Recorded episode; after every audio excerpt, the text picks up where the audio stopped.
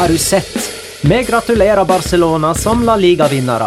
De ville sikre seg La Liga-tittelen så tidlig som mulig, og gjorde det såpass raskt at de fikk tilsendt feil trofé i posten. Getafe, Sevilla og Valencia vil sikre seg Champions League-plass så seint som mulig, og tok følgelig null poeng til sammen denne runden. La liga loca. En litt gærnere fotball. Ja, ja, ja, dette er La Liga Loca episode nummer 74 av det ordinære slaget med Petter Wæland, hei. Hallo! Jonas Giæver, hei. Hola! Og Magnar Kvalvik, hei. Hei, Magnar. Hei. Petter, har du vært i Spania i det siste? Ja, fra onsdag til i dag. Hva du gjorde Eh, lagde reportasje på fotballbyen Madrid til eh, Viasport sin Champions League-sending eh, lørdag 1. juni, i og med at den spilles i Madrid. Ah, Finalen, altså. Finalen spilles i Madrid, ja. Gidder du å snakke inn i mikken? Sånn. ja, takk. Det skal jeg klare. Petter er så, Så det var jobbtur, dette? Så mye tweeting.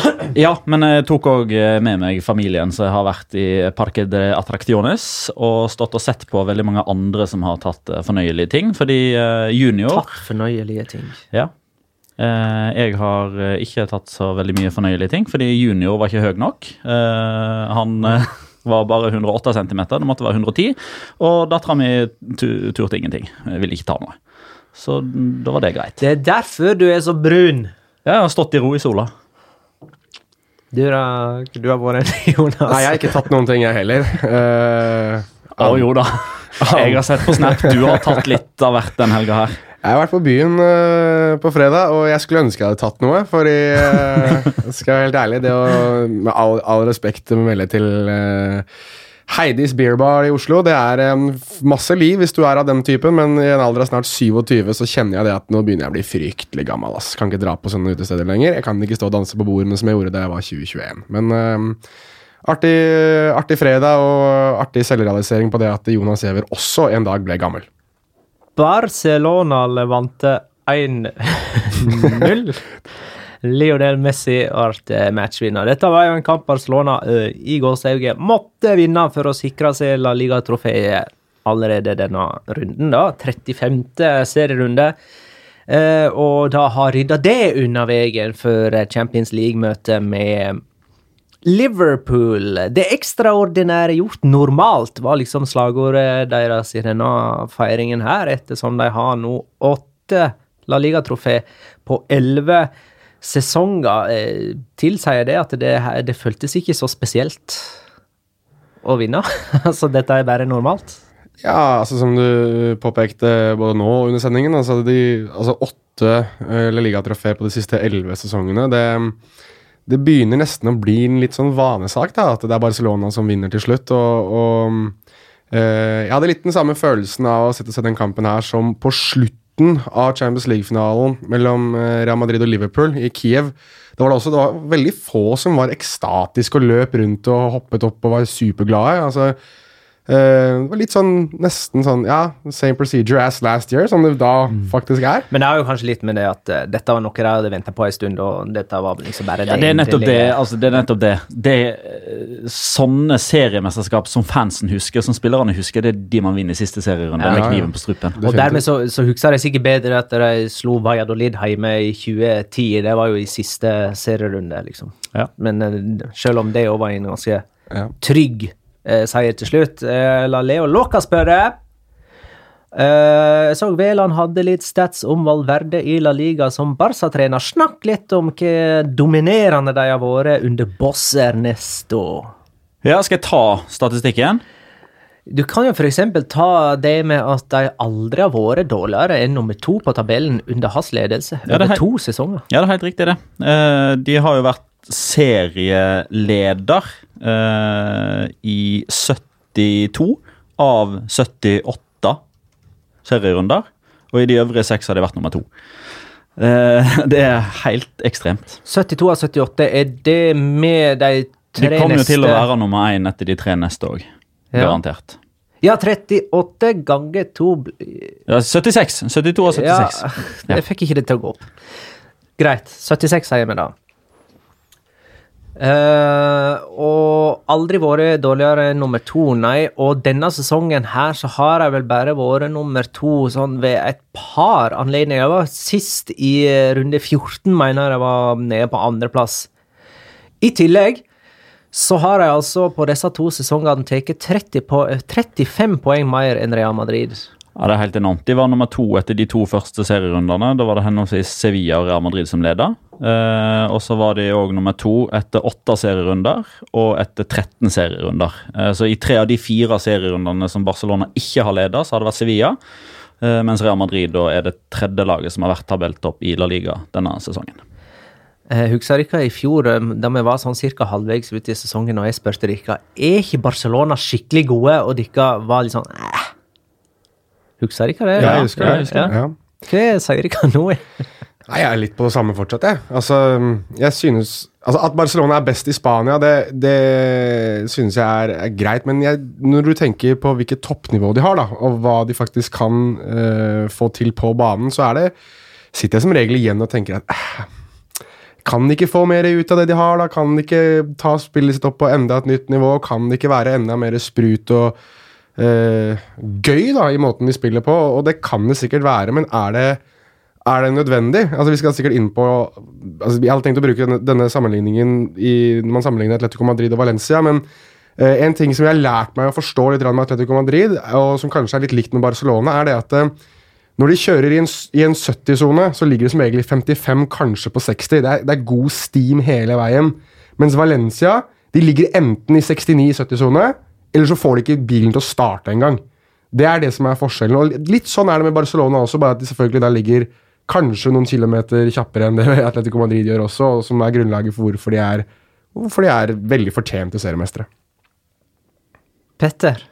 Altså, det som er Det som gjør at man kanskje sitter og har en korrekt følelse av det som Jonas eh, opplever her, er jo at man i litt mindre grad eh, og litt eh, sjeldnere får disse 5-0, 6-0, 6-2, 8-1-variantene som Barcelona og òg Real Madrid hadde litt for ofte i perioden 2008 til 2015-ish.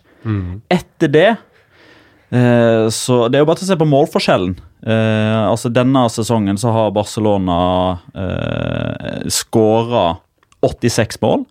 Og, og det er tre kamper igjen. La oss si de skårer i snitt to på de siste eh, tre kampene, da. Eh, og Da er de oppe på 92. Forrige sesong så skåret de 99, og det var første gangen siden 2008 at de ikke var oppe i tresifra antall skåringer. Det sier ikke nødvendigvis så veldig mye om, uh, om nivået til Barcelona, for det, det har vært liksom jevnt. Godt nok. Mer enn godt nok over lang tid. Men det handler litt om det å, å rotere og se verdien og ikke å gi full pupp. Samtidig som vi har snakka om i denne podden her ganske lenge nå, hva som har skjedd på hylle to, tre, fire og fem innad i La Liga. Hvis man deler det opp i fem hyller, da, så mener jeg at, eh, at, eh, at toppen eh, er utrolig bra, som det har vært de siste ti årene. Men det som er bak, har uh, uppa gamet sitt. Og Derfor så får man færre sånn flashy 4-0, 5-0, 6-0, 8-2. Og da sitter man kanskje med et litt mer sin inntrykk av at ja, ja, det er solid, men det var ikke så bra som det var. Men det sier ikke nødvendigvis bare noe om Barcelona, det sier noe om motstanderen òg. Men eh, kan eh, disse to møtene med Liverpool som kommer, kanskje altså Hvis eh, Barcelona tar skalpen på Liverpool, da, kan det løfte liksom, inntrykket av Barcelona opp der igjen, som det var under Guardiolas tid? Ja, eh, det er nesten der det står og faller, egentlig. Så, så brutalt er det, eh, tror jeg. Eh, fordi vel, I hvert fall hvis eh, man tar eh, Barcelona-supporterne sitt ståsted, for veldig mange av de jeg snakker med, mener at det er det er litt sånn eh, Hva var det sto på T-skjorta? Eh, Åtte av elleve eh, når det ekstraordinære har blitt normalt. Eh, noe sånt var det som sto. Eh, og det er ei bakside av den medaljen der. Det gjør at man, man setter ikke nødvendigvis like stor pris på disse seriemesterskapene nå, fordi det har blitt så normalt. Det er normalen. Normalen er at Barcelona skal vinne La Liga og havne 15 poeng foran Real Madrid. Og så fikk de denne enorme nedturen i Roma for litt over et år siden. Eh, og pga. det så har egentlig hele 2018-2019-sesongen handla om å gjenreise æren i Europa. Det syns jeg de har klart, bare ved å ta seg til semifinalen på den måten de har gjort. De har ikke tatt noen av kampene mot Tottenham, Inter, PSV, Lyon eller Manchester United. Skulle de ryke opp mot Liverpool, som er topp tre i Europa nå, akkurat nå, syns jeg, så er ikke det noe skandale. Men det etterlatt et stort inntrykk på hvordan totalvurderinga blir for sesongen. Men jeg lurer litt på da, for, for å stille spørsmålet på hvordan man beregner det Barcelona-laget som er nå. Hvis vi forestiller oss om fem år, da, la oss nå si at Barcelona tar Liverpool og, og slår enten Ajax eller Tottenham i Champions League-finalen og muligens også vinner Copa del Rey. Kommer vi til å sitte igjen med det inntrykket av at dette var Valverdes Barcelona, slik man sier Guardiolas Barcelona, eller er det Lionel Messis Barcelona? Um, begge deler, kanskje. Altså Messi var jo med på begge. Uh, og jeg føler jo at det hadde ikke vært Guardiolas Barcelona uten Messi.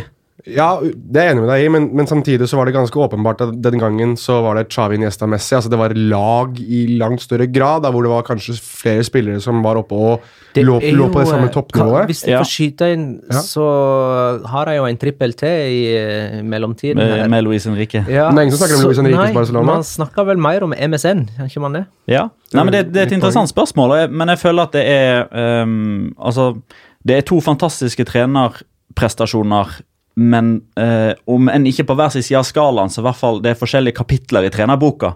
Der Guardiola eh, oppfant nærmest en ny måte å spille fotball på, eller, eller videreutvikla den kanskje mest eh, fascinerende og imponerende fotballen og tok toppnivået til, eh, til, et helt nytt nivå. Mens den jobben, den prestasjonen til Valverde, kanskje ikke står så veldig mye tilbake med tanke på utgangspunktet, med tanke på konkurranse, med tanke på de problemene han fikk servert med en gang han kom dit. Man skal ikke glemme at når Ernesto Valverde tok over, så forsvant Neymar. De tapte 5-1 i supercupen.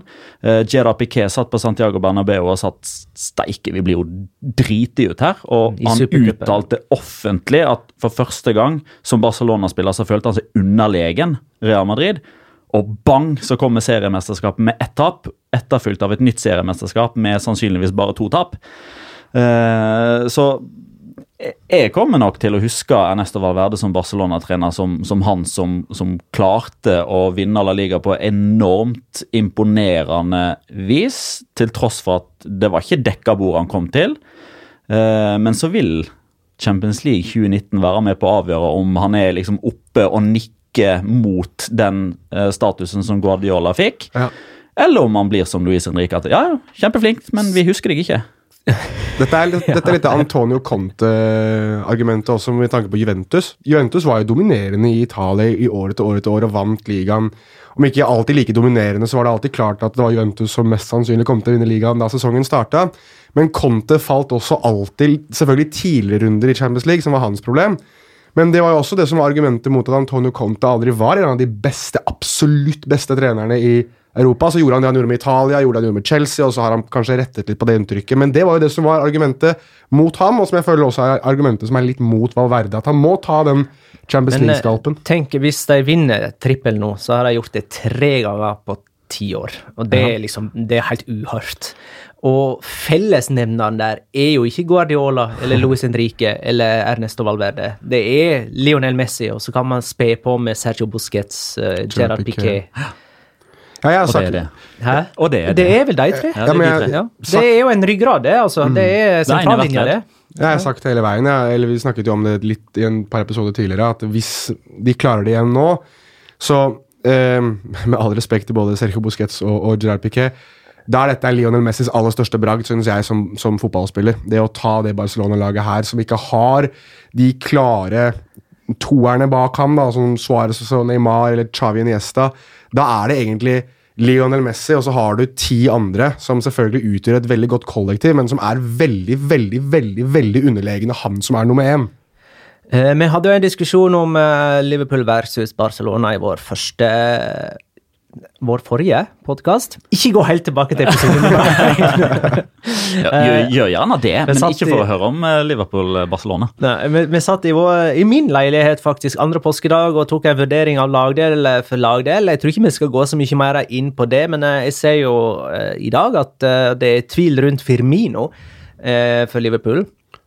Han spilte jo heller ikke mot Huddersfield, og det, han skal testes tirsdag, altså dagen før eh, kamp. Altså, Hvor stort utslag tror dere det gjør, eh, et eventuelt fravær med, av Firmino, til Kamp nå-oppgjøret 1. mai? Min første tanke er at det hadde vært verre for Liverpool om Firmino hadde stått over hjemmekampen. Uh, selv om Firmino òg er en veldig god defensiv spiss. Uh, som vi jo var litt inne på i den forrige podkasten, med at uh, Mané Salah Firmino er kanskje verdens beste spisstrio, eller angrepstrio, hvis man legger sammen det man får offensivt og defensivt. Ja. For de er jo en, en del av uh, gegenpresset og det første pressledd og, uh, og den type ting. Uh, men Den type uh, jeg føler jeg har hørt dette her før. Uh, den nærmeste storkamp spiller X er tvilsom, men blir klar. Uten at jeg kjenner Altså, noe jeg som helst til håper det så inderlig. Jeg har lyst til å ha de to beste elverne med, med eh, kanskje det beste laget i England mot det definitivt beste laget i, i eh, Spania. De to beste seriene der, og eh, ja, det ville iallfall jeg hevde. Og begge lag er akkurat den formen de skal være. Det hadde vært så ypperlig. Mm, jeg er helt enig. Gull. Gull. Eh, er det sånn for Barcelona sin del at uh, dette La Liga-trofeet liksom var one down, two to go? Altså første nede, nå er det Det må jo Altså, være det, da. Er, er dette en skuffelse, rett og slett, til slutt, hvis det ikke blir Champions League-trofé? Ja, ja, ja. Det må, må, må, det sies å være, syns i hvert fall jeg. at eh, det var, jo, det var jo det de la premissene for. altså Det Lionel Messi sto så høyt på kamp nå, at de skulle gjenerobre, gjenerobre Europa, og at det var, eh, det var der de måtte bli bedre. Og selvfølgelig, de virker som om de har satsa i langt større grad på Champions League denne sesongen. altså Sett i lys av at de faktisk vinner La Liga så tidlig som de gjør, så er sikkert det litt selvmotsigende å si også, men, men samtidig så virker det som det er en prestisjegreie der, også fordi Real Madrid har hatt den dominansen de har hatt de siste tre årene, at det har blitt en æressak for Barcelona å, å slå tilbake der. og så nei, jeg, jeg, tror, eh, jeg tror at eh, sesongen deres egentlig står og faller litt. Grann, eh, til tross for å vinne La Liga, så tror jeg de ser på det som suksessfullt først hvis de vinner Champions League. Jeg har en, en teori om at eh, altså, To forskjellige tenkte scenarioer her. At i midten av juni så, eh, så stiller man Barcelonas supportere følgende spørsmål. Syns du eh, 2018-2019 har vært en suksess? Ja eller nei? Svart eller hvitt? Scenario 1. Barcelona ryker ut mot Liverpool i semifinalen, blir seriemester i La Liga, som de allerede er, og vinner Copa del Rey-finalen. Og det er det siste som skjer. Kontra at de går til finalen. De vinner Copa del Rey, de vinner La Liga, men taper finalen. Jeg har en teori da om at det siste som skjer, det siste som skjer i sesongen, kommer til å være avgjørende for hva slags feeling Barcelona-supporterne sitter med. Hvis den siste kampen er Copa del Rey-finalen, så betyr det at de ikke har gått til Champions League-finalen. Da er den skuffelsen eh, litt sånn fordøyd, tygd og spytta ut igjen. Og så vinner de Copa del Rey-finalen, og så gir de seg på mange måter på topp. Ja. Men så spilles den Champions League-finalen en drøy uke etterpå. Ja, jeg får jo en så- påminnelse veka Ja, De får en påminnelse om at de ikke er der, men de får ikke den skuffelsen av å tape finalen, som jo er veldig mye tyngre enn å i løpet av en treårsperiode akseptere at ok, greit, det ble ikke finale. Men selvfølgelig taper de Copa del Rey-finalen i tillegg. Da, eh, da er det svart. Eh, Adrian Spørre. Kan dere ta en gjennomgang av Barca-Liverpool neste uke når første kamp er gjennomført? Svaret er ja. Håkon eh, skriver hvor uvanlig er det at både herre- og damelaget til Barcelona potensielt kan spille Champions League-finale i samme sesong? Helt uvanlig, i hvert fall innenfor eh, det parameteret. Fordi det er det første spanske laget som er i Champions League-finale for kvinner noensinne. Så uvanlig er det faktisk. Barcelona sitt damelag er klare for Champions League-finalen mot Lyon, som på ingen måte er der for første gang. Jeg tror Nei. det er fire på rad.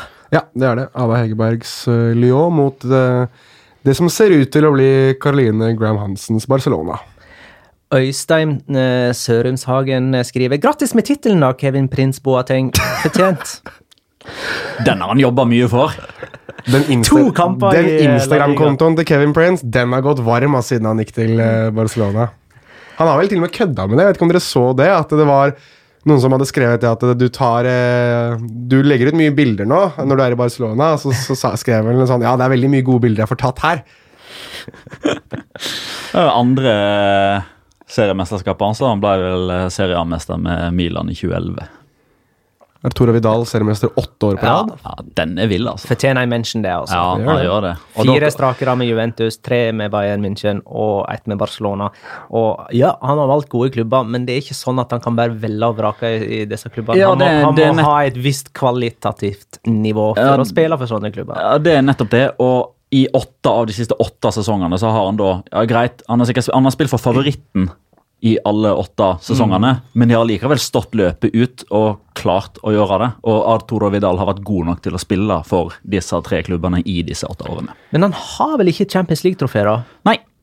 Så da Det er, jo, gjenstår den. det er litt gøy at du nevner det, for det var jo spørsmålet hvem er det Er det noen andre som har en like lang og like prestisjetung rekke som ham i så mange ulike land? Og da var jo eh, svaret var jo at eh, kanskje Zlatan hadde eh, samme rekka, for han hadde jo veldig mange år med Barcelona, og så hadde han noen år med Inter, og så var det Han hadde bare ett med Barcelona, vel?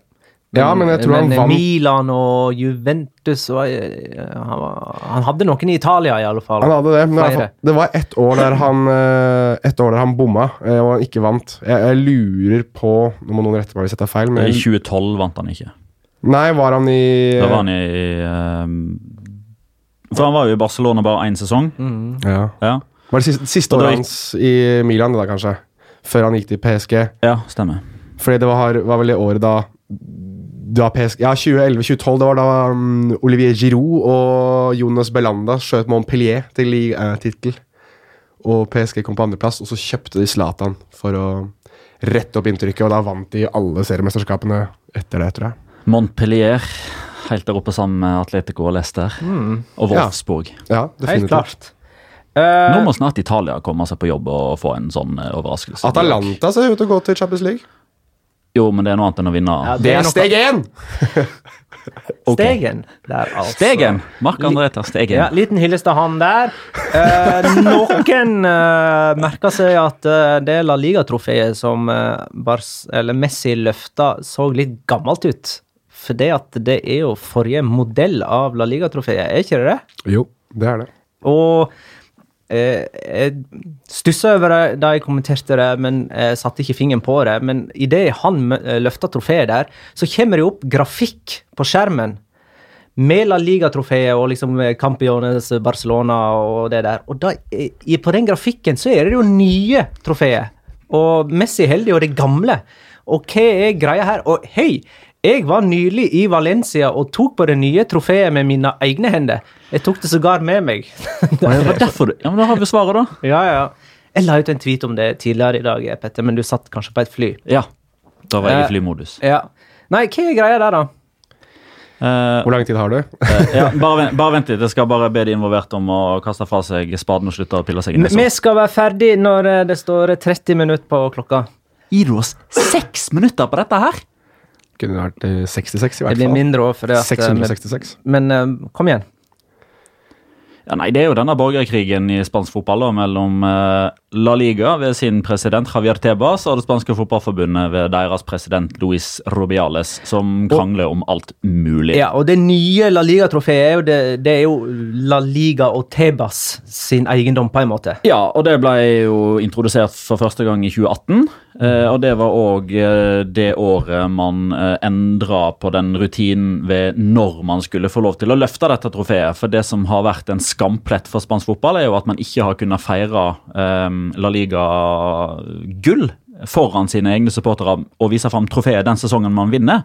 Jeg var jo selv til stede i 2017, da Real Madrid vant La Liga bort mot Malaga. Uh, og Gareth Bale og Cristiano Ronaldo gikk uh, utpå der, og Gareth Bale spurte Cristiano Ronaldo liksom, ja, når kommer trofeet. Uh, nei, det kommer i august, det. Og, og, og da får man jo det scenarioet der spillere som er med på å vinne La Liga, og bytte klubb, de, de, får aldri uh, ta hånda på trofeet, med mindre de reiser på uh, Bernabeu Tour uh, og går innom museet, liksom.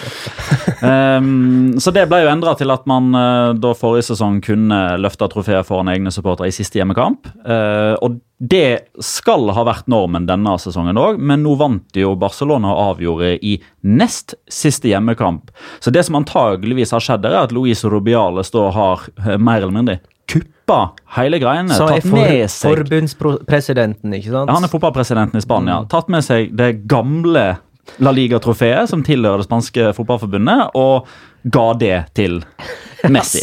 Legg også merke til, bare, bare, Da Messi løfta trofeet, så snudde han jo på det, og da får du selvfølgelig den der RFEF-logoen som stirrer deg rett i trynet. Så det der er sikkert blitt nye propagandagreiene til Rubiales nå. Naturligvis. Og i Spania så er det jo sånn at uh, det er Bean Sports og, og Goll TV som har rettighetene til å vise eh, La Liga, uh, og det går på Movistar Pluss blant annet. Eh, og så har La Liga sin egen TV-kanal som sender alle kampene. Det er sånn abonnementstjeneste. La Liga TV heter La. Liga TV heter det. Um, og det som skjedde da um, Luis Robiales da overleverte uh, trofeet til Lionel Messi eh, Jeg har ikke sett dette sjøl, har bare blitt fortalt det. Jeg vet ikke om det var sånn at plutselig så kom det en sånn teknisk feil, eller at det bare gikk i svart i fem sekunder, eller sånn, men det ble ikke vist på La Liga TV. Det er At den spanske fotballpresidenten overleverte serietrofeet til Lionel Messi. Det ble ikke vist på La Liga TV, men det ble vist på Bein Sports og Strive og alle andre rettighetshavere. Eh, kan vi nå komme ut for det scenarioet at eh, Barcelona får det ekte La Liga-trofeet i sin siste heimekamp denne jo, sesongen? vi satt jo og diskuterte tidligere om det er mulighet eh, for det, og det burde det jo strengt tatt være nå. fordi de har jo, som, som påpekt her, de har jo fått det gamle trofeet. og det er veldig altså, Først og fremst så er det jo øh, Hva skal man kalle det for noe? Det er makeløst, det de to her holder på med. Uh, Rubiales og Tebas uten at vi skal fyre meg noe mer opp øh, over det akkurat nå. Jo, men, Men- vi, kan, vi kan godt ta den andre konflikten nå, eh, hvis vi er kjappe. Men skal du fullføre Eh, dette resonnementet? Nei, altså Resonnementet var egentlig strengt at det, at det er fullt mulig. Og, og jeg, Ja. Når du ser hva Rubiales og Tebas holder på med, så må du ikke sette det som Altså Det er fullt mulig at det kommer til å skje. Mm. Men det andre argumentet som du sikkert skal Og det andre temaet som du skal inn på, er jo eh, Rubiales og Tebas har jo vært på hverandre i eh, godt og vel eh, halvannen til to år nå. Og det var jo Robiales og det spanske fotballforbundet som i stor grad skjøt ned Uh, den, den muligheten La Liga hadde for å spille én seriekamp i USA. Vi husker jo at uh, På initiativet fra Tebas og La Liga, ikke sant? Riktig. Uh, For å markedsføre La Liga i, i Nord-Amerika. Og da skulle vel Girona Barcelona spilles i, i Miami. Og da var det jo spesifikt Teba, nei, Rubiales og Fotballforbundet som gikk ut mot det og ville ha det kansellert. Det fikk de jo gjennom til slutt. Mens nå i dag så har det spanske fotballforbundet stemte igjennom et forslag om en ny spansk supercup som skal spilles i januar 2020 med Final Four-greie, hvor det er fire lag som skal dra til Saudi-Arabia for å spille denne lille turneringen midt i sesong. Og den har jo nå da, kom det rapport på nå senere i dag, at Tebas og La Liga har jo nå satt seg på bakbeina og sagt at det vil ikke de være med på. Så det er eh, litt sånn eh, Nå kommer jeg ikke på det gode norske ordet, men eh, jo, det er vel motsigende at uh, Rubiales ikke vil ha La Liga til uh, USA, men han kan godt spille kamper i uh, Saudi-Arabia. Ja. Og så har- er dette nå eh, opplest av vedtaket? Nei, eller? det er ikke det pga. at La Liga melder at de skal gå til juridiske grep. Det som skjer da, er at det går til det som man kaller for Consejo Superior del Deportes, som da blir et sånn forliksråd, altså idrettsrådet i, i Spania. Fotballtinget. Eh, nei, det var faktisk det som var i dag, eh, Ja, med generalforsamlinga i det spanske fotballforbundet. Der man bl.a. har eh, vedtatt, eh, og det er jo dette da La Liga ikke er enig i, men her kommer nok fotballforbundet til å få eh, ting trumfa gjennom. Historien viser at det som regel er de som vinner eh, i sånne forliksråd. For det er ikke første gangen at La Liga og det spanske fotballforbundet krangler.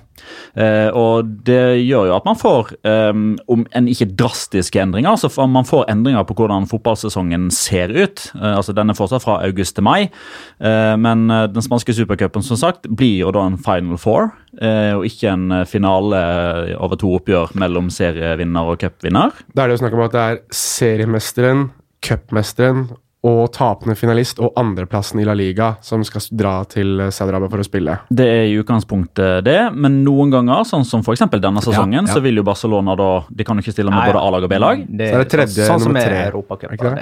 Ja, Da, da er det det Nei, da er det det laget med størst eh, historikk, står det. Oh, ja, ok. det er Altså sånn, ja. Real Madrid eh, i dette tilfellet. Men Ja, Egentlig, det, altså, det er helt i huet. Men egentlig så er jo sånne ting sekundært, for det, det store problemet her er jo at eh, det spanske fotballforbundet nå vil tjene sine penger i Saudi-Arabia. Ja. Ja, ja. Eh, Som på si side da kan benytte anledningen til å glatte over alle sine menneskerettighetsproblemer og skape et glansbilde av seg sjøl. Så dette her er jo kjempeskadelig for imaget til spansk fotball, spør du meg. Men, men dette her går jo Hvis, også hvis dette her går igjennom. Helt enig, men det går jo også hånd i hånd med de, disse avtalene de hadde i forkant av sist VM, der ulike spanske klubber hadde, hadde saudiarabiske spillere på lån osv. Så, videre, så det er jo ikke noe nytt at Det ble Liga betalt for å huse de. Nettopp. Det er noe muffens her, altså. Det er det jo definitivt, men- men det viser jo også det at uh, fotballen i langt større grad, og spansk fotball i langt, i langt større grad nå har forstått sin markedsverdi, og at de selger det til høystbydende. Ja, og at det ikke skyr noen midler. Definitivt. Eh, moral forsvinner ut ruta. Og bare sånn helt eh, til slutt da, så er det slutt på dobbeltoppgjør i cupen i Copa del Rey. Er det slutt? Det er slutt, med unntak av semifinalene. Semifinalene blir spilt hjemme borte. Er dette Finalen opplest av vedtatt? Ja, det er jo på samme måte som at det skal gjennom dette forliksrådet. Ja. Men det er det det spanske fotballtinget har vedtatt i dag. For jeg forsto det sånn at klubber eh, stemte det der ned. Ja, La Liga. Ja, Ja. riktig. Ok. Men også bare sånn i den eh, debatten som går eh, her til lands om kunstgress Det er ikke lov å spille kamper eh, på kunstgress for eh, La Liga-lag. Det står også opplest og vedtatt svart på hvitt at La Liga-lag skal ikke spille på kunstgress. Den er grei. Da beveger vi oss videre til det som skjedde denne runden, om bitte litt. Ehm, skal vi bønne om eh, med, med Champions League-kampen? Ja, Det skal vi visst. Null Eh, poeng. Det er jo en eh, ny europeisk trend å fucke opp i kampen om eh, Champions League-plass. Det virker som det går ei bølge. La meg ta dette. Tyskland. Eintracht- Frankfurt kunne ha festa grep om fjerdeplass denne helga, men spilte 0-0 hjemme for Hertha Berlin. Borussia München-Gladbach kunne dermed ha svara med å komme av poeng, men tapte for Stuttgart, som er på kvalikplass. I Italia Milan kunne ha tatt fjerdeplassen med seier mot Torino i går kveld, altså søndag kveld, men tapte, slik at Torino òg nå er blanda inn i den eh, kampen. Og nå er det da en gjeng med Roma, Milan, Atalanta, Torino og Lazio som ligger samla med tre poeng mellom seg fra fjerde og ned. Atalent, Atalanta kan ta fjerdeplassen as we speak. De spiller mot Odinese, men taper garantert. I England alle taper eller spiller uavgjort mot eh, hverandre. Ja, Arsenal tapte mot Leicester, Tottenham tapte mot Westham. Heime. United og Chelsea spilte uavgjort mot hverandre. Uh, I Frankrike ser vi sånn at Lyon er nummer tre. Det er topp tre der som gjelder, med tre poeng ned til Sant, Etienne, og fucka det sikkert opp til helga. I Spania så tapte altså alle de tre lagene Getafe, Valencia, Valencia og Sevilla. Valencia hjemme mot Eibar 0-1. Ja. ja. Det er litt det jeg var inne på, det med at eh, enten så er det full kjør og tut-tut, bert-bert for eh, Valencia, eller så kommer de aldri ut av startblokka. Spilte med fire spisser på slutten for å få uh, seiersmål og slapp inn tre minutter på overtid. Ja, men det lå litt i kortene, synes jeg. At når de skulle Enten så kommer de til å trykke Ja, ja, det- inn et mål, eller så kommer de til å få en i fleisen. Men Enten eller. Ja, enten eller, og all ære til uh, til Mendelibar og Eibar som kom for å ødelegge festen, og, og gjorde det. Og Jeg syns de spilte en god kamp, jeg, Eibar. ja, ja, selvfølgelig. Ja, for de Definitivt. skapte jo store sjanser før, uh, Ja, altså, før det var fire spisser på banen. Nå sier jeg ødelegge festen i, med all mulig Ja, ja, ja. eh, respekt overfor måten de spilte på, for det var en god, eh, en god prestasjon av dem. Og et, eh, et Valencia som igjen viser at de er veldig veldig varierende i, eh, i formen sin og hvordan de, eh, de spiller. Altså, de, kan, altså, de kan gå eh, en, eh, en runde og vinne uh, mot uh, Villarreal og Betis, Og neste uke så taper de både mot Atletico Madrid og Eibar. Chris, eh, Chris Ja. Robin Eriksen uh, spør jeg, er det en eh, psykisk Psykisk krig mellom Valencia og Arsenal før Europaliga-semifinalene. Ser ikke ut til at noen vil ha favorittstempel, i alle fall.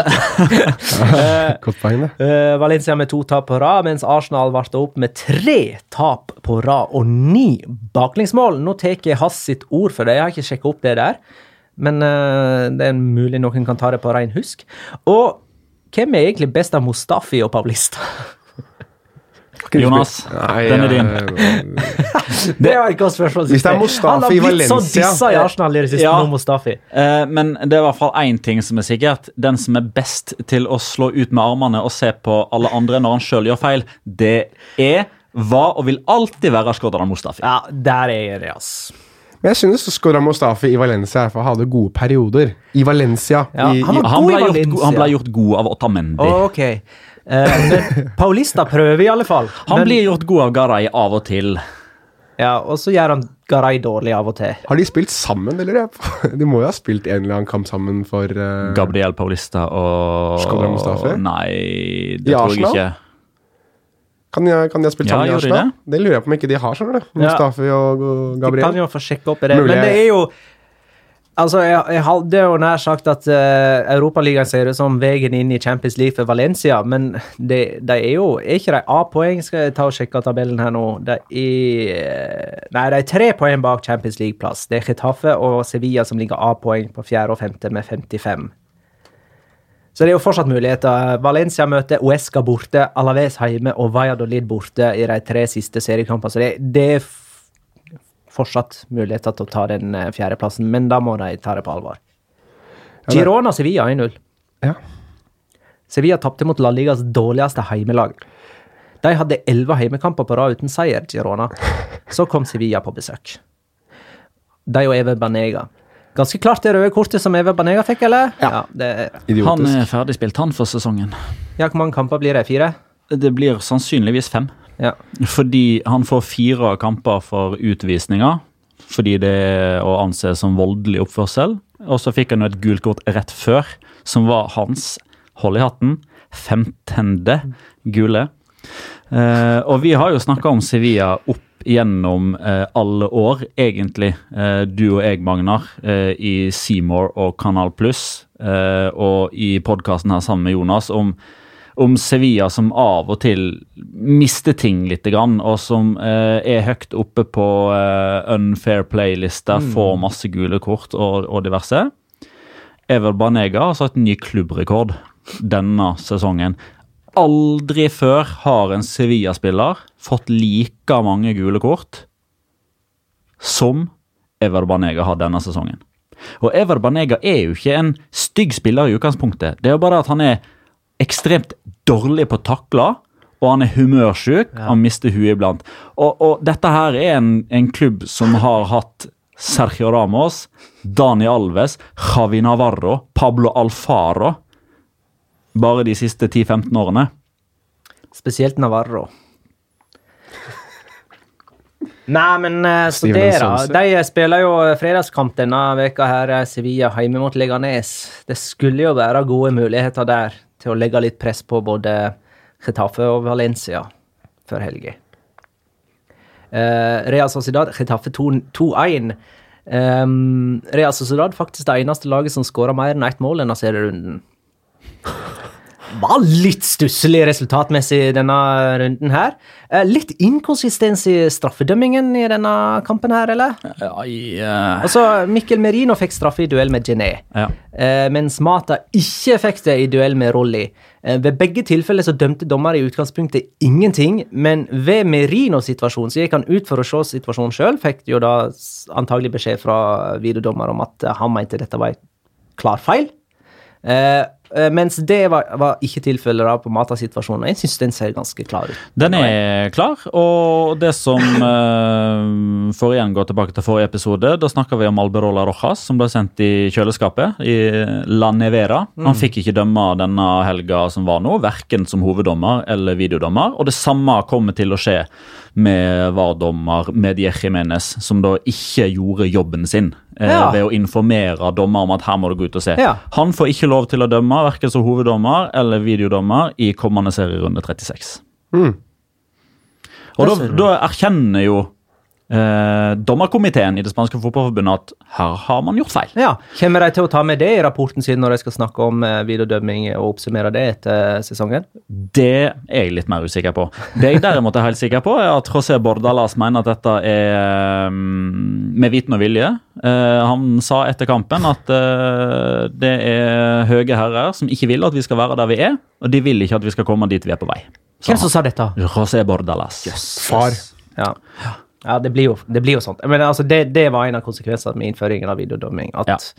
at trenere kom til å si, slå enda hardere fast at eh, systemet jobber mot dem. Men det er jo, hvis du ser på det laget til Getafe nå, altså som de spiller med nå det er, Nå begynner du å se det som er det store ankepunktet mot det laget. da, At de har ikke mye bredde. altså. Haime Mata spilte wing i andre omgang. Ja, de Han gjorde gjort sånn, de det gjorde flere sånn, ganger, det, Ja, det har han altså. gjort mange ganger. Men de gjorde sånn som Valencia. De putta på alt Ja. de hadde. Altså, Angel kom inn i pausen. Jorge Molina kom inn etter 43 og et halvt minutt. og de avslutta kampen da med Mata og eh, Ogodoro, vel, på, eh, på Kantene, Ja. Og med Angel Rodriguez og Jorge Molina på topp. Og jeg syns jo egentlig at Retafe spiller en ehm, altså Etter at eh, 1-0 kommer, da, ser man at da, begynner det å bli litt sånn nervøse. De er litt prega av at de har fått den avgjørelsen mot seg, og, og resten av første omgangen er ikke særlig bra. Og så syns jeg at de er på vei godt inn i kampen igjen, før Real Sociedad får eh, 2-0. Og etter det så er det jo eh, et oppriktig ærlig og synes jeg godt forsøk, der man blir snytt. Jeg mener, jeg mener faktisk at de skulle hatt to straffespark. Jeg mener at Ogodoro skal ha et klokkeklart straffespark når William José eh, i en duell ikke ser på ball, han ser på mann, slenger ut albuen og knocker han over ende. Huh. Det, er òg en uh, straffesituasjon som blir skrevet om i de aller fleste medier. Eh, så jeg, jeg syns dette her er et, uh, det er et tap. Spørsmålet er hvordan man reagerer på det tapet, men jeg syns ikke man spilte en dårlig fotballkamp og tapte som en konsekvens av det. Heime Mata skåra ikke, men det gjorde Juan Mata for eh, United mot Chelsea. Dermed så er Juan verdens beste Mata igjen. Det går i bølger, det der, altså. Snu fram og tilbake. Skåra på bursdagen sin, han, faktisk. Men jeg synes jo eh, det, det var gøy å se Samo Size gjøre noe altså, jeg, Ja, synes, Omsider. jeg synes han er Synd han ikke gjorde det for Leeds tidligere på dagen. Oh, det, ja. Wow. ikke, ikke for meg Nei, ikke- ikke for meg til å begynne med. Marcelo Men, Bielsa. Men uh, yeah or nay, det som skjedde på Ellen Road. Eh, nei, altså Jeg synes ikke at det, Hvis ikke dommer har blåst, så spiller du til dommeren blåser, da. Så scorer Leeds, så syns jeg det er uh, merkelig at uh, Jeg òg er på nei der. Men det som er veldig greia, at det ser ut som en Leeds-spiller er i ferd med å stoppe opp og skal slå ballen ut, og på en måte finte eh, det til å bli en pasning istedenfor. Ja, nå, jeg, det- jeg, jeg, jeg har bare sett et klipp her, men jeg mener å ha hørt en kommentator uh, si uh, At Aston Villa ha gjort gjorde det før? Ja, de, de hadde gjort det rett i forveien. Ja, det, det ble nevnt, og det Ah, har Bielsa også svart på. I, I samme kampen? Ja. Å ja. Men jeg har bare sett dette klippet, jeg. men jeg, eh, jeg synes det var ekstra kult at eh, når John Terry står og hyler og skriker på, på fjerdedommer, så bare kommer Marcelo Bielsa travende opp og sier 'nå går du til helvete og setter deg'. Men, men hva var det Villa hadde gjort? De hadde spilt ballen ut. Ja. for det, Når en Leeds-spiller lå nede, så hadde Ja. Villa spilt ballen ut. Men ja, fortsatt så er ikke det eh, spillerne eller lagets oppgave. Nei, det- der, det er det ikke. Det er det absolutt og ikke. Det der var faktisk en skade den Villa-spilleren på en måte påførte seg sjøl i en takling eh, som Ja, han ble ikke takla. Mm. Men for å rette dette tilbake til La Liga, da. eh, For det er jo faktisk litt interessant. Før hver sesong så informerer alle de 20 klubbene i La Liga om hva slags eh, standpunkt de har overfor å spille ballen ut når spillere er skadet og ikke. Eibar, blant annet, spiller aldri ballen ut. Aldri. Hvis ikke dommer blåser, så spiller de. Uten, eh, uten unntak. Det er så greit å bare si det. Ja. som- Har man det? Ja, ja. Dette er vår policy. Ja, dette er vår policy. Det er ikke Det la dere lure til å tro at vi skal spille ut ballen. Den, den er fin. Så du får sånn rapport, sånn liten booklet på hvilke lag som spiller ballen ut og ikke? Følg eh, Eibar sitt eksempel der, altså. Ja, Jeg er enig med Eibar i så måte, men jeg syns det er kult at man er så ærlig om det. Ja, Atletic Alaves 1-1. Jeg nevner Atletic her fordi at eh, de er egentlig ikke helt ute av det. De uh, var jo det ene laget som tok poeng av disse her, da, og er fem poeng bak Champions League-plassen med eh, ni poeng igjen å spille om. De har jo Valladolid borte, Celta Vigo hjemme og Sevilla borte, ser du, i Det siste kan bli et ordentlig, eh, ordentlig bikkjeslagsmål i den det, siste det kampen der. Det går an at det kan skje. Men hvis, Um, hvis du skal snakke om den kampen, så må du snakke om Benjat sin Ja, skåring også. det var langt hold. Det er frisparket, og det var hardt og velplassert. Det var ja, 25 pluss. Han er en god, gammel helt.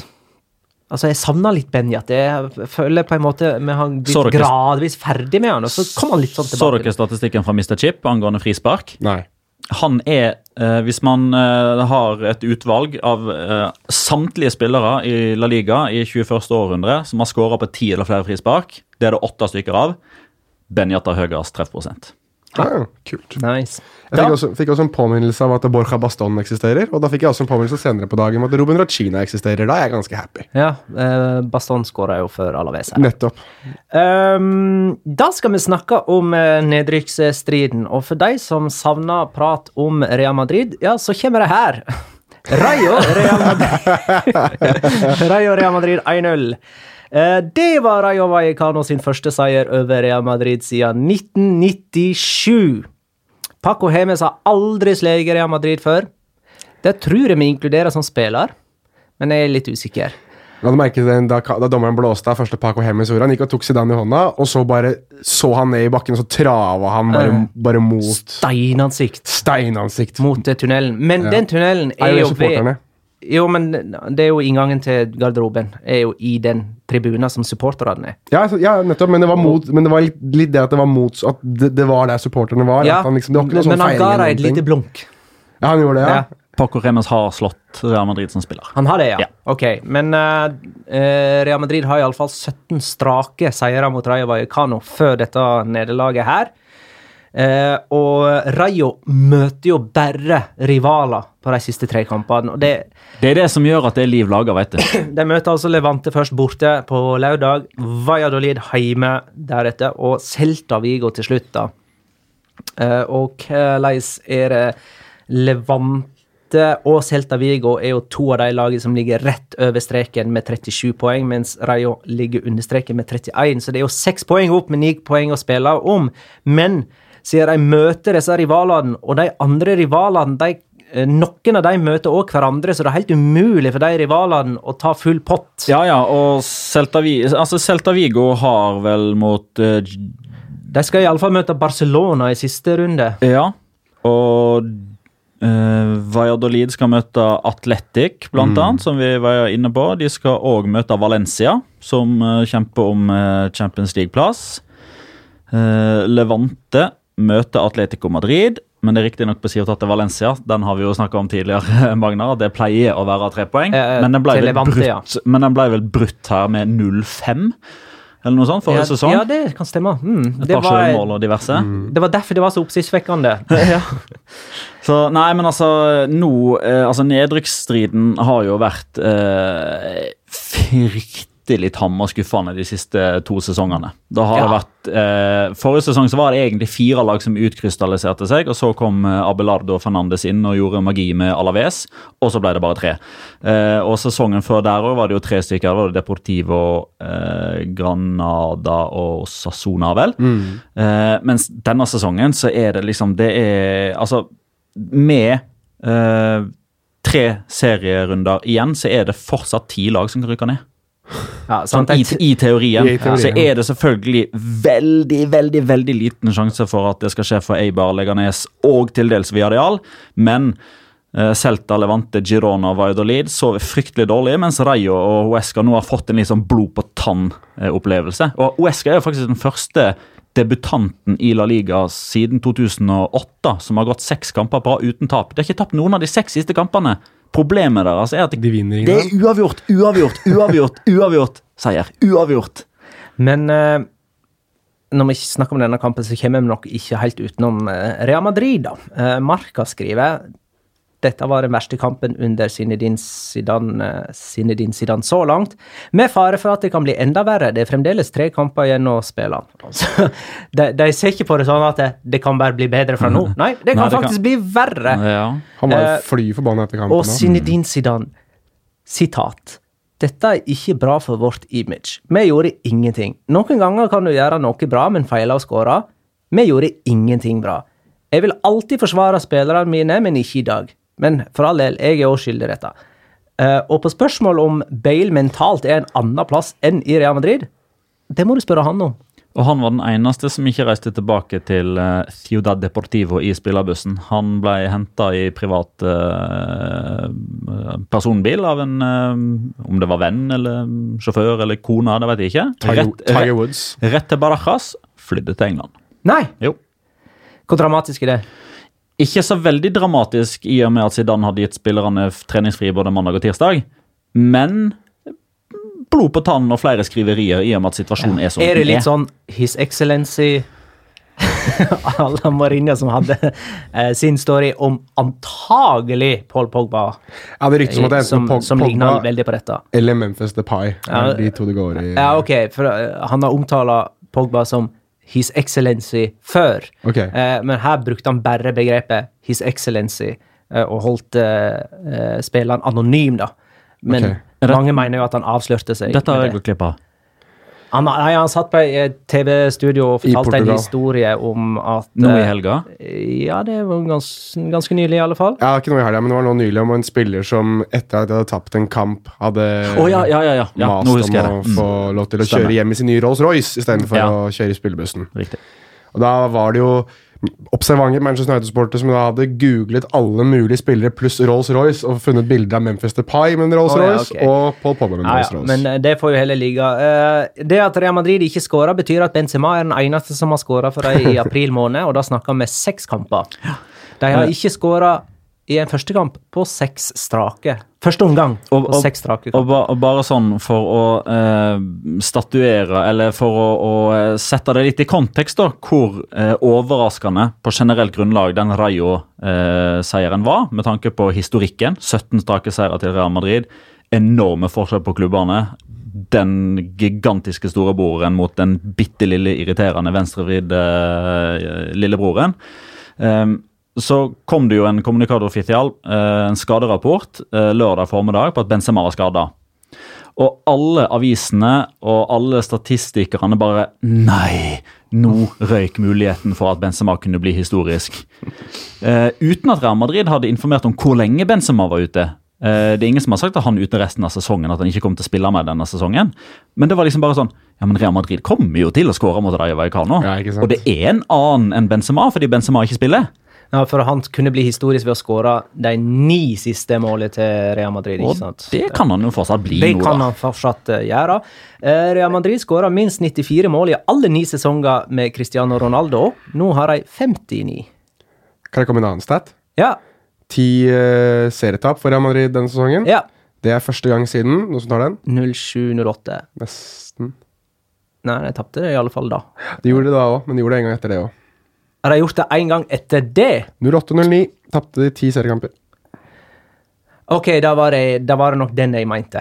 Det var jo Eh, da den sesongen før Jeg tror ikke de gjorde det to år på rad. Så, så det var sikkert Det var nok 08-09 jeg Ja. tenkte på. Men i hvert fall den uh, siste sesongen før uh, da Florentino Perez gikk, det kidsa sier, ham på overgangsvinduet og kjøpte Cristiano Ronaldo, Kaka, Benzema, Albiol, Chabi Alonso osv. osv. Uh, en annen statistikk er at de har tolv kamper uten skåring denne sesongen, som er første gang siden 95-96. Eh, jeg begynner nesten å lure litt på hvorfor Zinedine Zidane tok over i mars og ikke venta til slutten av sesongen. Altså, jeg mener Nå eh, rekker han på en måte med disse månedene her å bli eh, At det blir ullen stemning, rett og slett. Så, altså, var ikke et greia, var ikke motivasjonen med Zidane at han skulle liksom eh, ha dette ultimatumet overfor spillerne at uh, nå skal dere vise at dere er verdt å spille for Real Madrid òg Mm. til neste sesong. Og det er det jo ingen som viser i denne kampen her. Kanskje Nei, nei. bortsett fra Courtois. Ja, ja faktisk. Ja, han var ok. Han hadde noen eh, gode redninger og noen involveringer ute i feltet. Ne, ja, altså, man, man kan jo absolutt si det sånn at eh, Zidane burde kanskje helst ha venta. Eh, men så er det jo sånn at eh, når ståa ble som det ble med Solari, og han, han bare måtte gå eh, etter at man i løpet av en åtte dagers periode røyk ut av semifinalen i Copa del Rey, tapte El Clásico i La Liga og røyk ut av Champions League, da, måtte det liksom handling til for at det ikke skulle være lynsjestemning på Ja. Santiago Bernabeu ut sesongen. Og, og, og da hadde man den praten med Zidane, og det er liksom sånn Eh, hvis Zidane da hadde sagt sånn eh, Ja, 1. juli så kan jeg komme tilbake igjen. Men, Det det men, men, men hvem, hvem skulle da ha kommet inn de tre månedene, og hvordan hadde de tre månedene da blitt? Det kunne ha blitt enda verre. Det var det det var til å begynne med, at Zidane hadde visstnok sagt at ja, jeg kommer tilbake med den 1. juli når sesongen er over. Og så var det jo Florentino Perez da som eh, tryglet på sine knær, som man har fått uh, forespeilet i spansk presse om at Zidane skulle komme inn nå. Og da var jo sikkert noe av det premissene var jo det at uh, resultatene nå har ikke så mye å si, for alt har gått gærent uansett, og så må du egentlig bare sette fingeren på hva det er du ønsker å endre på, da, sa Zidane. Og det er jo også det som blir skrevet om hver gang eh, noen har brifet eh, Diaz i, i Marca, altså José Felix Diaz i, i Marca om eh, overganger og sånn, så har han jo alltid i hvert fall ett avsnitt der det står om prosjekt Zidane, og at Zidane har fått beskjed om at han skulle få lov til å gå gjennom troppen og finne hvem som er ikke er gode nok, og hvem som er gode til å fortsette, og hva som må gjøres. At det hele tiden har vært litt At de har holdt litt igjen på visse overganger, fordi Zidane har fått lov til å gå gjennom troppen én gang, to gang, tre gang for å være helt sikker på at dette er de endringene han skal gjøre. Og Det er jo det, er jo det som er, eh, er, interessant her. at det, det, kanskje er litt derfor Zidane har sagt at greit, jeg kan godt komme inn og gjøre det nå. fordi da har han virkelig fått kjenne på det. Hva er det som faktisk må gjøres? Og så tror jeg rett og slett det at eh, Real Madrid har undervurdert hvor vanskelig det er å erstatte en kar som skårer 50 mål uh, en sesong. Cristiano Ronaldo, spesielt når du har Gareth Bale, som ikke er noe alfa, han. Og Karim Benzema, som ja, har tatt sin del av det, men han kan ikke ta den delen av det. Altså, Han har skåret mer enn tidligere, men forvente at han skulle inn og erstatte Cristiano Ronaldo med, den, med så mange mål så mange målpoeng som Ronaldo har hver sesong, det, det er for mye forlangt. Det blir bra å få inn Hazard, da. Eh, ja, det ordner seg. Uh, Sa samme Rayo. Vallecano vant altså denne Ja, kampen den er- den er uten perfekt. eh, sin eh, beste spiller, Raúl de Tomàs, som jo var utlånt. eh, RDT kan du egentlig bare si. Det står bare RDT på ryggen. R.T.T. står det. T, du. D. R.D.T. Der er det. Gjør det det? Ja. Ja, jeg er litt usikker på det punktumet. punktum. Eh, Nei, det gjør det. det Tro meg, det gjør det. Ja, men, uh, men altså uh, Men- Tito spiller jo altså han, Høyrebekken til deg i Vallecano han har Tito uh, L.V. Dot, fordi han har to barn som begynner på henholdsvis L og V.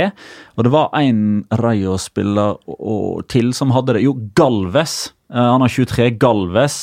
Eh, L.M. Eller noe sånt. Ja. Legger ned Celta Vigo 0-0. Det var interessant, det. To strake uavgjort for Celta Vigo, som hadde 1-1 mot Español på eh, onsdagen. Eh, men bare ett tap på de siste sju for Celta Vigo. Det kom mot Atletico Madrid. De møter altså Barcelona, Atletic og Rayo i de neste, eller siste tre kampene. Ganske tøft program. Uh, Valladolid tapte på Wanda Aspas ble skada.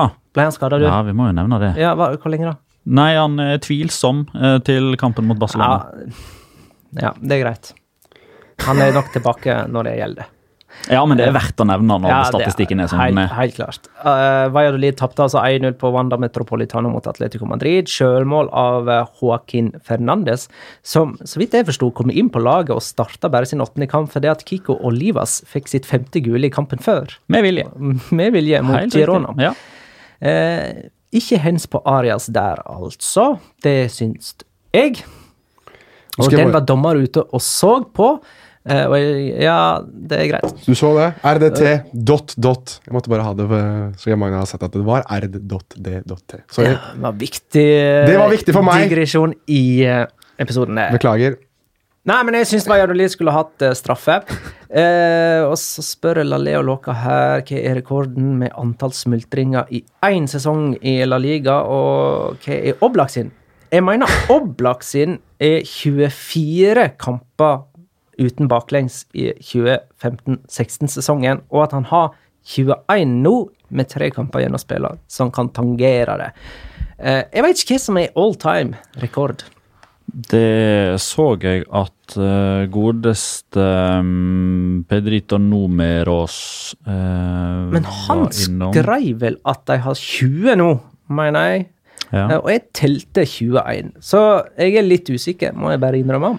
Jo, men vi kan, vi kan være litt usikre på om det er 20 eller 21. Men faktum er at den aller første gangen Atletico Madrid holdt 20 smultringer i løpet av en sesong, det var første fulle sesongen til Simione. Så de har aldri gjort det før Simione kom inn, og nå har de gjort det i seks av de siste sju sesongene. Så Ja. 24 smultringer i 15-16 er all time high for Atletico. For Atletico, ja. Men i La Liga, den eh, er jeg mer usikker på. Du var jo på kampen, eh, Petter. Ja.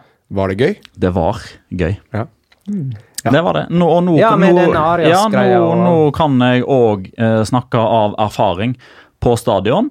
Eh, men jeg skal ha òg det forbeholdet og respekten for de som har vært på kamp uten å skjønne hva som eh, har blitt sett på. For akkurat denne situasjonen her var det var så åpenbart hva som var greia pga. protestene til Valladolid-spillerne. Og fordi man ser jo òg Oi, var ikke det hens? Det var min første tanke. Um, men det, det, var, det, var, det var ordentlig gøy. Altså, det var en sånn bussende stand sånn bzz, Det ble sånn føss, bøss, eh, og så går de ut, og så blir liksom Atletico-fansen Nei, nå blir det straffe! Fordi de 27 foregående gangene en dommer har blitt anbefalt å gå og sett på monitor, så har han vært enig med VAR-dommer og dømt straffe. Dette var aller første gang at eh, dommeren sto på sitt. Eh, og da kom jubelen igjen for Atletico Madrid-fansen og skuffelsen for de 2000 tilreisende fra, fra Valladolid. Så jeg syns det var tipp topp tommel opp. Det var Selv om det eh, kanskje var feil avgjørelse. Men det har jo ikke noe med VAR å gjøre. Det er jo avgjørelsen. Det var nok verre for publikum på Alaves Barcelona, da alle trodde at dommer gikk ut for å se om det var offside på skåringen til Barcelona, og så plutselig så fikk Barcelona straffe. Ja, da, da var det jo ingen som kunne se antagelig at det var en hens på pina inni der en plass. Ja, og Da er vi litt inne på Jonas sin hjertesak med enten eh, at primært helst bare mikke opp dommeren og få han til å forklare hva som skjer, eller i det minste gjør som man gjør i Uefa. Bare få det opp på storskjermen. Bang! Dette er det vi ser etter. Altså, I stedet for at det står uh, at vi vurderer om det er scoring eller ikke. Nei, vi vurderer om det er straffe eller ikke. Mm, for det fikk jo faktisk med på skjermen. Når da dommer sprang ut, så Ja, så vi Som at det var ikke offsiden. det. Det var ikke offsiden han så på, det var straffesituasjonen han skulle se på. Det fikk vi opp. Og det kan det òg komme på en storskjerm, tenker jeg. Ja, det bør det Penalty komme. review. Ja. Ja, jeg tar i hvert fall og, igjen, Det er mange som har spurt om dette, hva jeg faktisk mener med det med NFL-dommere. og Da anbefaler jeg alle gå inn på YouTube, søk opp uh, ref call eller flag call NFL. Fordi I NFL så kaster du et flagg på banen for å, for å vise at eh, her skal vi se på et eller annet. Og da stopper dommeren spillet. Han har en liten knapp på sida i, eh, i beltet sitt som han trykker på. Og da går stemmen hans i, på hele stadion, og alle hører han sier 'ruling on the field stands' eller eh, 'we've decided to look at roughing' eller et eller annet sånt, og så ser de på det, og så trykker han på knappen igjen. 'Ruling on the field stands' eller 'ruling on the field is, is overturned', og så forteller han hva straffen er. Og det synes jeg eh, eh, Det koster veldig lite, og det er ekstremt effektivt for de som er til stede på kampen. Villarreal Uesca 1-1. Rabona-skåring på Pablo Fornals. Han la til et ekstra vanskelighetsgradselement ved å skyte via standfoten sin til og med, og nå spretter jo verdien hans opp på 1 milliard. Jeg vet ikke om jeg John liker det. Gidetti versjon v, altså V2. Altså, Jo, Husker at når han han, eh, Han sklei på Camp Nou og skjøt i sin egen standfot? Men det og- var ikke Rabona. Nei, og, nei, derfor V2. Altså Ja. opphøyd i okay, fjerde, da. Han eh, tok eh, en eh, Jonathan Caleri og miksa det med en John Gudetti. Jonathan Caleri gjorde jo det i Carlos Tevez sin redebut for Boca Juniors, husker jeg. Da var det jo Jonathan Caleri som stjal alle overskriftene og skåret med en Rabona. Men jeg vet ikke om jeg liker jeg liker det der noe særlig. Sånn, altså, du gjør noe som egentlig burde være temmelig enkelt. Du gjør det så ekstremt vanskelig for deg. Han driter seg ut der, liksom. Så hva Forestill deg, altså Hvis Villarreal ikke hadde skåret der, da, og Wesca faktisk setter det, den ene skåringa si, Ja. så er det han som sitter igjen med, med mye av skylda, eller i hvert fall får mye av skylda. Men eh, selvfølgelig, det ser spektakulært ut, men eh, Han har skåret skåra to mål denne sesongen. han. Rabona og skudd fra 40 meter mot Atletic. Men uh, Chimi Amela sin skåring var pen, og det var i andre kamp på rad. han skårer bare pene skåringer, han. Og den mot Eibar i midtveka, den var wow! Han skårer bare, han har blitt litt som Saul. Han. Alt sammen er Golasas, uansett som, hvordan han skårer, nesten. Det er sju poeng opp til trygg grunn, med ni poeng igjen å spille om for Oesca. Det går altså med et, et historisk nedrykk for de som aldri har rykka ned fra Primera før. Kun Lionel Messi og Sergio Aguero som har skåra flere mål eh, i eh, 2019 som Argentina i Europa. Jøss. Ja. Eh, Håkon spør tør Veland å offentliggjøre at Villarreal er trygge, eller er frykten for jinx for stor? Nei, Jeg har jo sagt for lenge siden at vi må ikke finne på å friskmelde de. Nei, det er greit, det. Villarreal Men, har 40 men- poeng. Det er fem poeng ned til nedrykksstrekket. Men hadde det ikke vært for at Jorge Polidio et lite sekund trodde han var slakteren fra Bilbao, da kunne jeg sagt det. For da hadde Pablo Fonas vært på blank eh, goal, kjørt en Rabona alene med keeper og skåra 2-1. Da hadde han kjørt sånn der, sånn som, det er sånn som du gjorde når du var, på Løkka. Når du runder keeper, og så legger du ballen på streken, og så Ja, går du ned på kne, og så nikker du den. i mål. Ja.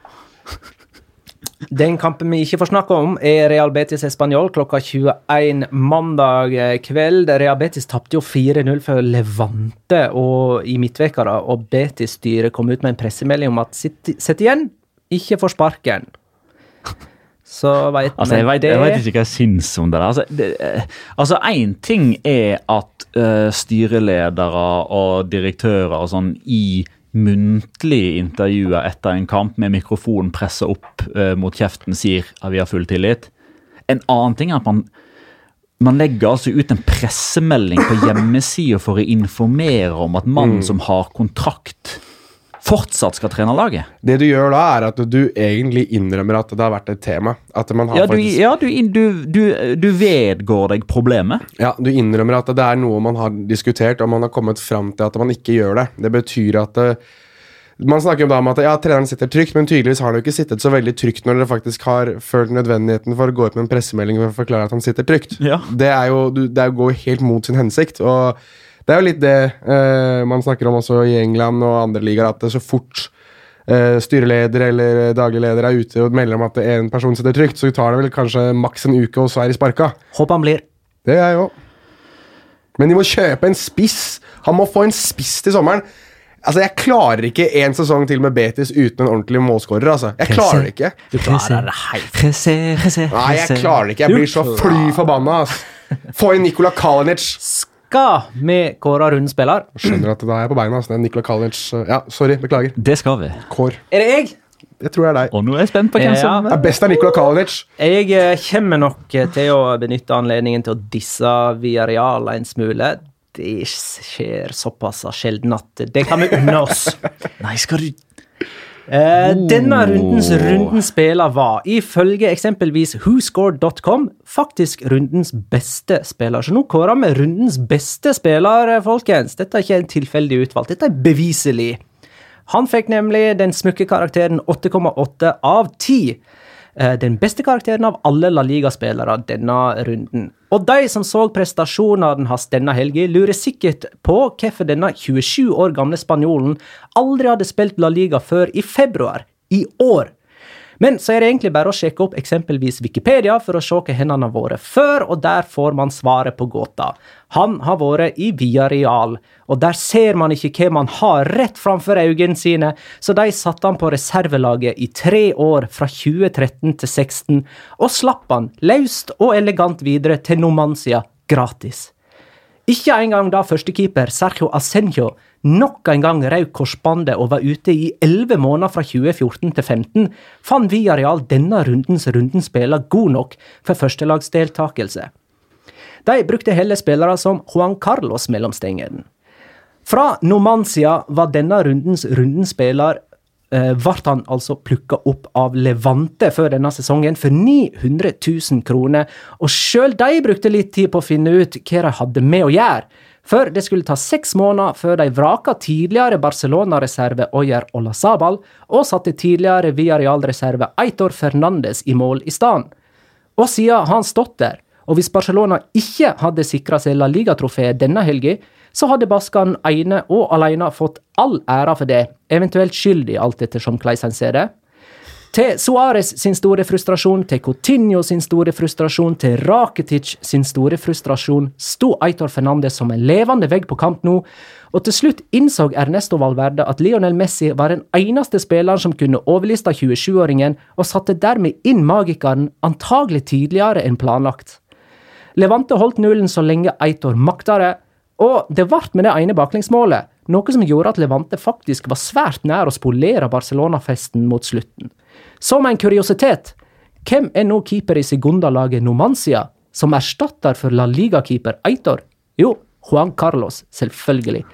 Gratulerer og lykke til, Eitor Fernandes. Fire odds på Rayo til helga, folkens. Har du vært inne og sjekka? yes. Oddsen på nedrykk eh, for uh, Hvor ligger oddsen på nedrykk for Villarreal nå, egentlig? Skal vi se. Det lurer jeg på. Snakk om noe annet i et lite minutt, da, så skal dere få det. Ja, nei, Ja, da kan jeg jo nevne at uh, Eirik Sandum, som er vår eh, eh, Hva kan vi kalle han da? Segunda-korrespondent, uh, melder at Osasona og Granada så å si er klare for La Liga-spill neste sesong. Tanker om det? Vel, for meg så ser det ut først og fremst som at det er Osasuna, ikke nødvendigvis Granada, som er klare for eh, Eller mer eller mindre klare for eh, La Liga. De har 14 strake hjemmeseiere de nå, og til helga så får de nummer 15 uten å spille. Fordi de møter. Reus. Ja, Osasona, riktig. ja. Osasuna, eh, som for meg spiller på Reino de Navarra, men de heter vel El Sadar. Eh, herlig stadion. Herlig klubb, syns jeg, fra Pamplona, med Arasate som trener. Eh, det, er, det byr jo på eh, ja, både knokkelkamper og rivalisering og gode journalistiske poeng hvis de faktisk kommer opp. Jeg gleder meg i så fall. Kan jeg bringe tilbake en spalte veldig, veldig, veldig, veldig, veldig kjapt? Ekstremt kjapp spalte. Kom igjen. Eh, La Liga Loca finstuderer eh, Nordin Amrabat. Å nei, den den ja. er ikke savna, faktisk. Det er 101 i odds på at vi har aldri ned. Bare sette pengene sine på det, da. Uh, nei, Nei, ville bare, Levante. ville bare Ja, ok, greit. Jeg ville bare informere om at uh, Nordin Amrabat var med å tape uh, semifinale i uh, Kongens cup i Saudi-Arabia i helga. Uh, Tapte 4-2 mot Al Ittihad. Han spiller for Al Nasser. Denne spalta har vi nok ikke To nok skåringer å av tidligere Ålesund-spiller Abderrazak Hamdala. Det, var litt moro. Det var det jeg skulle fram til. Det det du skulle fram til. Han er ikke engang den beste marokkaneren på sitt eget lag nå, og han spiller i Saudi-Arabia. Da er det tid for Locora! Ukens La Liga Locura. Locura. Locura. Locura. La Liga Locura. Ja, Jeg kan, jeg kan begynne, jeg. Ja gjør det. Eh, For vi var litt eh, inne på det i stad. eh, Dette med smultringer. Eh, Og nå har jo jeg vært i Madrid denne helga. Oi, Og har sendt snap til Jonas, blant annet. Ja. Fra Duncan Coffee. Der det selvfølgelig da ble kjøpt en sixpack med donuts. Boston Choco. Eh, og det bringer meg over på en statistikk fra Pedrito Numeros på lag som har holdt eh, nullen i 20 kamper eller mer i løpet av en eh, La Liga-sesong. Og det har skjedd ved 16 anledninger gjennom La Ligas historie siden 1928. Eh, Real Sociedad har klart det én gang. Valencia har klart det én gang. Betis har klart det én gang. Deportivo har klart det én gang.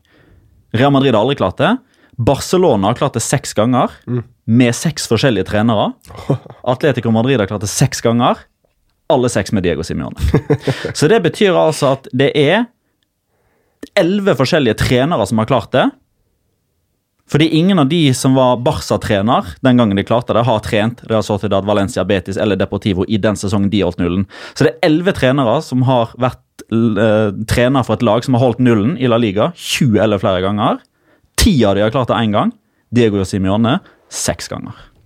Det er ganske spinnvilt. Den er fin. Og i den syvende så stopper han på 19. Ja, Jonas, vil du? Uh, ja, jeg kan jo godt ta det, jeg. Uh, du har kanskje hørt altså, begreper som for eksempel eh, La Libreta de van Hall, altså notatblokka til van Hall. Vi har hørt om eh, hva blir det for noe, hesten til Yaramendi og litt sånne ulike ting som har blitt litt sånn eh, legendariske da, i, eh, når man snakker om, eh, om spansk fotball og La Liga. Jeg vil gjerne introdusere en ny en nå. Og det er bestemoren til Daniel Wass. Fordi eh, det har blitt en greie nå med at Ulla Beate Wass kommenterer på masse greier på Facebook om da barnebarnet sitt. Og senest nå skal vi se, Det var nå i helga. Så la eh, bold.dk, eh, altså den eh, nyhetssiden for Ba dansk ball fotball på norsk. ja. Eh, la ut en, eh, en konkurranse der eh, du kunne vinne en Valencia-drakt. Eh, men du skulle kommentere og si altså, grunnen til hvorfor du vil ha drakta. Og da har det da sneket seg fram en kommentar fra Ulla Beate Wass, der det står Jeg vil meget gjerne vinne en Valencia-trøye, da mitt barnebarn spiller for laget. Godt argument. Uh, men, men jeg vil gjerne gå videre med dette, fordi uh, det er ikke første gangen Ulla Beate Wass har dukket opp i kommentarfeltene på visse Facebook-innlegg der eh, hennes barnebarn har vært uh, hovedfigur. Fordi det må jo være en liten, liten stund siden da Daniel Wass kommenterte at vi kan ikke tape for tiden med, med Valencia. Skal, så skal igjen Ulla Beate Wass ha dukket opp i kommentarfeltet hvor hun skriver Gå opp med litt optimistisk, Daniel. Klem fra mormor. Og så sett, Jeg ser for meg at hun sitter og trykker på tableten sin, som hun nettopp har fått. 85 år med liksom krøller, permanent hvitt hår, sitter med kaffekoppen og Legger fra kommenterer seg Facebook. et litt øyeblikk. Ja, men, men jeg har, jeg har søkt meg fram til å finne hvor, hvor dette egentlig ser ut til å ha startet. Og eh, det er da igjen boll.dk har lagt ut den offentlige meldingen om at det står offisielt Daniel Wass er Valencia-spiller, med bilde av Daniel Wass i Valencia-drakt og det som er. Og da står det så enkelt fra Ulla Beate Wass til lykke, Daniel, fra mormor og morfar. Så Ulle som bestemoren til Daniel Wass, hun må være, være årets eh, lille eventyr, for å si det sånn. Min locora går til Mario Suárez. En ganske god, ikke formidabel spiller. Ganske god. Ingen ledestjerner slik som jeg ser det, i alle fall, men han har stått i sentrum for et par sensasjonelle begivenheter. Han spilte for Atletico Madrid da de slo Real Madrid for første gang på 14 år. Det skjedde i Copa del Rey-finalen på selveste Santiago Bernabeu i 2013. Suárez spilte samfulle 120 minutter i den kampen. Da hadde ikke Atleticos lege Real Madrid i noen sammenheng siden 1999. Nå spiller Mario Suárez i et annet nabolag i Madrid, nemlig Vallecas for Rayo Vallecano, som ikke hadde sleget Real Madrid på 22 år. 1997. Det hadde ikke tatt poeng mot Real Madrid engang siden år 2000. Og Mario Suárez var med igjen fra start, da Rayo denne gangen brøt sin Los Blancos forbannelse. En, det er for meg litt eventyrlig. Mm, enig der. Mens jeg er på Suárez, var det noen som så bilde av uh, av eh, sønnen til Luis Suárez, som eh, beit far Ja. i skulderen.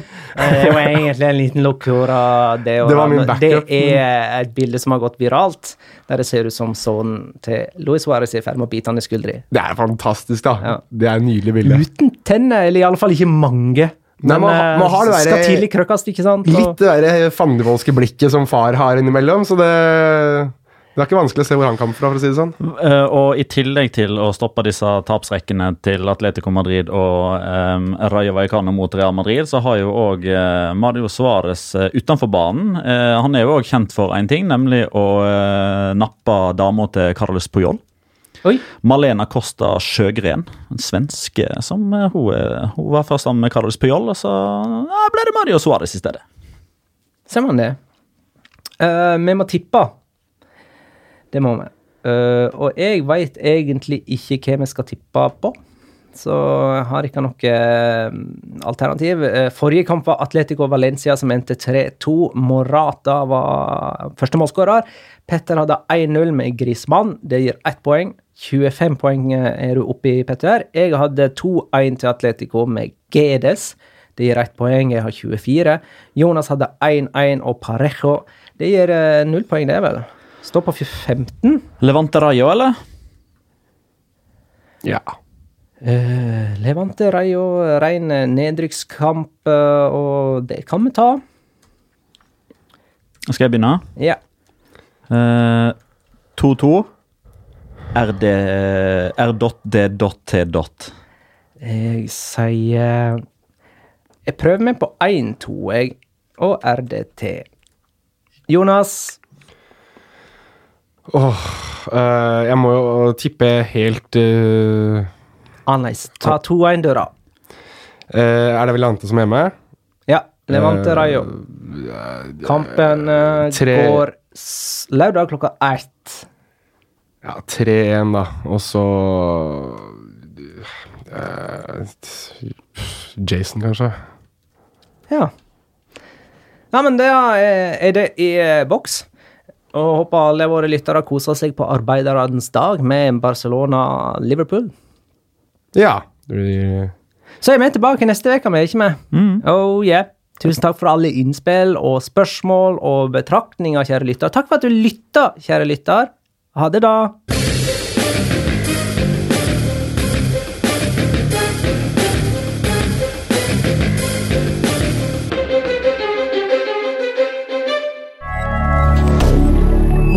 Media.